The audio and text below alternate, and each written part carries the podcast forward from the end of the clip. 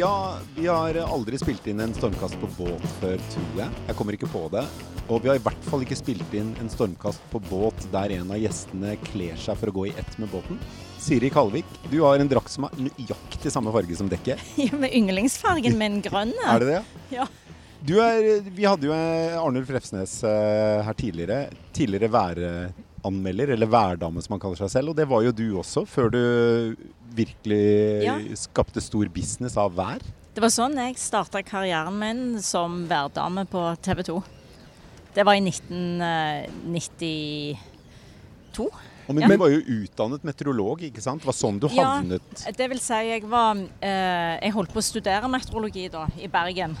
Så, var, så det var egentlig en, en studentjobb, altså en bijobb for meg som fulltidsstudent. Og, så, eh, og etter hvert så fikk jeg bare mer og mer ansvar, så jeg ble prosjektleder for å være i TV 2. Og så var det liksom fra der jeg òg starta Storm Geo. Men du må jo være verdens råeste værdame. Eh, hva du har skapt. Er noen, er noen eh, i ligaen din La oss ta Norden først. Ja, altså, men faktisk, den, og nå er det jo lov å mimre litt, da, men Ja. vi vant jo en, en eh, pris. Det, det er jo ikke så mange som vet om, men det finnes et slags VM i værmelding. Gjør det det? Som det- jeg, jeg vant. Er du verdensmester? Vant du, du som væranmelder, Ja, var- eller, det eller værprogrammet? Nei, vant altså det var en personlig pris, men grunnen til at jeg fikk den, var jo fordi jeg hadde fantastisk grafikk som var kjekt å snakke om. Og, og det var jo en eh, innovasjon fra Sintef, den, eh, de animerte værkartene våre. Og for, det var det som dannet utgangspunktet for Storm Geo, var det ikke det? Jo. Selskapet du var med å starte? Jo, jo. Og, Så, så du kan si TV 2 var helt fantastisk på det er det ennå, men, men det var en helt spesiell tid. For det var en sånn pionerånd uten eh, sidestykke. Var det når far til Per var sjef? Ja, ja faktisk. Det det han vel, ja. men ikke helt i starten. Han hadde jeg jo masse gode diskusjoner med etter hvert. Han ville jo kjøpe han, han hadde ikke lyst til å eie at eh, TV 2 skulle eie Storm, så jeg prøvde jo å kjøpe Storm av faren. Men det var ikke. Men jeg, han ville Han skulle ha for mye betalt. Men du angrer litt på det i dag? Jeg gjorde det, for jeg skulle gjort en sånn management buyout av eh, Ja. han, tenkte vi. for jeg så husker faren min klaget over, etter at han begynte i TV 2, over at de eide jo så mye rart. Ja. Han eh, skjønte ikke det, hvorfor en TV-stasjon skulle drive Men når han først skulle selge skulle han ha for mye betalt. Det var akkurat det. Han var jo en kremmer.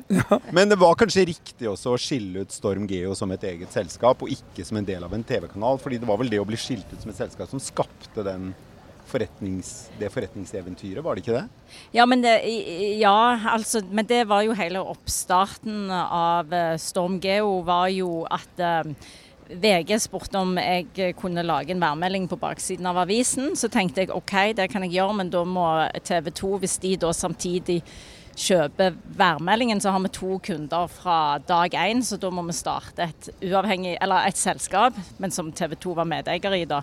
Så, så det var liksom på den måten eh, at vi ja, starta Storm, da. Men skjønte du at det var på en måte penger i hver? Det var jo altså Ja, Det er jo litt nytt. altså jeg, jeg har aldri tenkt liksom på pengene, men jeg, har- jeg lagde jo en forretningsplan med en hermen. Jeg, den var jo syltynn, eh, men det var en plan bak det. Men jeg har alltid vært bare drevet av å, å tenke at eh, hvis du gjør noe som er nyttig eller underholdende, altså nyttig i den store mm. settingen, løse problemer, så er penger en bieffekt som kommer Men du har fått en ganske bra bieffekt. Ja, jeg har det. Eh, eh, og, Storm Geo ble jo helt fantastisk. Sjøl så investerte jeg deler av studielånet, eh, 95 000 kroner. Og fikk ut. Ja, jeg, det, altså, jeg solgte når Storm var verdt ca. 1 milliard, og nå tror jeg det er verdt Nå ble det solgt igjen til 3,6 milliarder. Og hvor mye eide du av- for Nå begynner studielånet? han å regne. Nei, jeg skulle bare Kalkulatoren til Nei, jo, jeg, jeg eide ikke så. Faktisk, det er en egen historie. For jeg skulle veldig gjerne tatt enda mer risiko. Men, men jeg, da, så det var en egen diskusjon, med, eh, men jeg eide 9,5% Fantastisk. Men eh, Benedicte, du har jo eh, vært med, hvis vi er eh, ærlige her, i noen flere år. Eh, og det er jo veldig interessant, eh, og det er kanskje fremtidens eh, næringsliv vi ser foran oss her. sånn. For sannheten er at det, det kommer jo flere og flere eh, jenter og kvinner inn. Både på eh, gründersiden, på entreprenørsiden, eh, inn i næringslivet. Og det skyldes bl.a. at de også er jo snart i flertall på samtlige av de høyere universitetene og høyskolene. Eh, når vi sitter her om eh, ti år, tror du da at vi har flertall av kvinnelige gründere, entreprenører, og at de basically har overtatt for mennene? Kan det være et sannsynlig scenario? Jeg tror ikke det skjer på ti år. Eh, Ja, var, ta 20, da. eh, ja. eh, eh, og jeg tror vi, vi, har en, eh, vi har et stykke å gå før eh, flere gjør som Siri da, og tar studielånet og putter det inn i risikokapital. Samtidig så er jo det faktisk et tema som jeg brenner veldig for. Jentene må ta større plass. Ja. Nei, jentene må eh, begynne å bli eiere. Ja. Å være aktive eiere, Ja. det brenner jeg for. Ja. Eh, og det er det jeg egentlig sier Ja, jeg ja. jo, sant? Både altså, entreprenør i tillegg til å være eier. Men det er jo, det, det er jo sånn du får den innflytelsen og den eh, verdiskapingen. Og bli, Men, men er det ikke sånn, nå sitter vi på en båt, og det er, det er et uttrykk som nå kommer Per helt sikkert til å korrigere meg, eller si hvem som sa det. Tidevannet løfter alle båter. Hvis de er i flertall, si på medisin, der tror jeg kvinner er i flertall, og de er snart i flertall på økonomistudien også, vil ikke da etter hvert altså tidevannet gjøre at flere og flere av disse nettopp tar større risiko, har forbilder som Siri, gjør de tingene, og at det vil være For jeg tror det er veldig bra, og veldig viktig, fantastisk for Norge. Mm, men det, vi har jo ja, eller, Unnskyld, det var ikke det- Kom igjen, Siri. Ja, nei, for vi har jo langt igjen. For én ting er jo at en tar, eh, har flinke damer eller jenter som tar høyere utdannelse, men det skjer jo noe når en skal stifte familie og ha, få barn, og eh, en faller fra.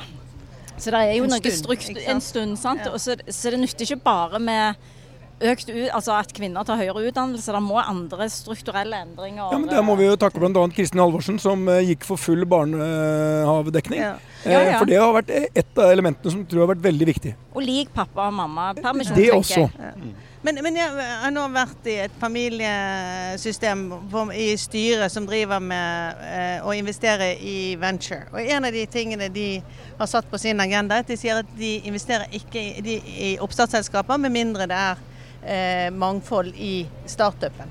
Så de sier at hvis det er bare menn, så er det ingenting. Er det bare kvinner, så gjør de det faktisk, fordi det er i det er bra. men, eh, men, men jeg tror også eh, det er litt også hvilket språk og hvordan det miljøet og den kapitalinnhentingsprosessen Ja. skjer, hvor eh, kvinner eh, ofte har en litt annen tilnærming, og som kanskje ikke investorene blir like attrahert av. Så tror jeg også det er en sånn en oppfatning av at kvinner eh, tar mindre risiko enn menn.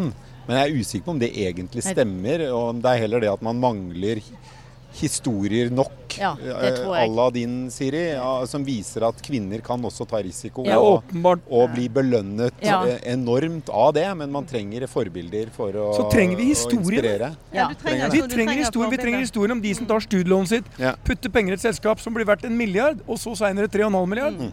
Ja, nei, eh, jeg tror det der er så riktig at vi trenger de historiene. Og jeg, jeg hater å bli satt i bås som Ja, sånn- sånn, i sånn ja, oh nei, men du ja, altså, Kvinner er så forsiktige, ja, kli- ikke og sant. hvorfor tror du Og at du liksom kategoriserer kvinner og menn. Jeg tror vi, vi er alle Altså, jeg ja, så er det jo veldig vanskelig å snakke om dette uten å begynne å kategorisere og si at jeg at jeg tenker Jeg, syns det er gøy med Altså, jeg tar risiko. Jeg, eh, og jeg tenker ikke at det er verken er feminint eller maskulint. Så, og jeg forstår egentlig ikke helt hvorfor ting er blitt sånn som det er blitt. Men det har jeg overlatt til søsteren min, for hun er religionshistoriker og feminist og kjønnsforsker.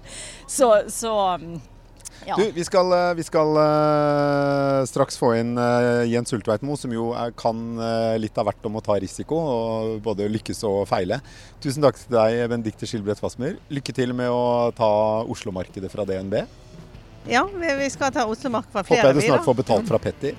Ja, ja, ja. Vi håper å få pengene tilbake. Så litt kundepleie setter jeg veldig pris på, Petter. Ja, jeg òg gjør det. Så jeg håper at vi kan ta en middag neste gang jeg kommer på besøk. Så må jo vi catche opp. Det må vi definitivt, Siri.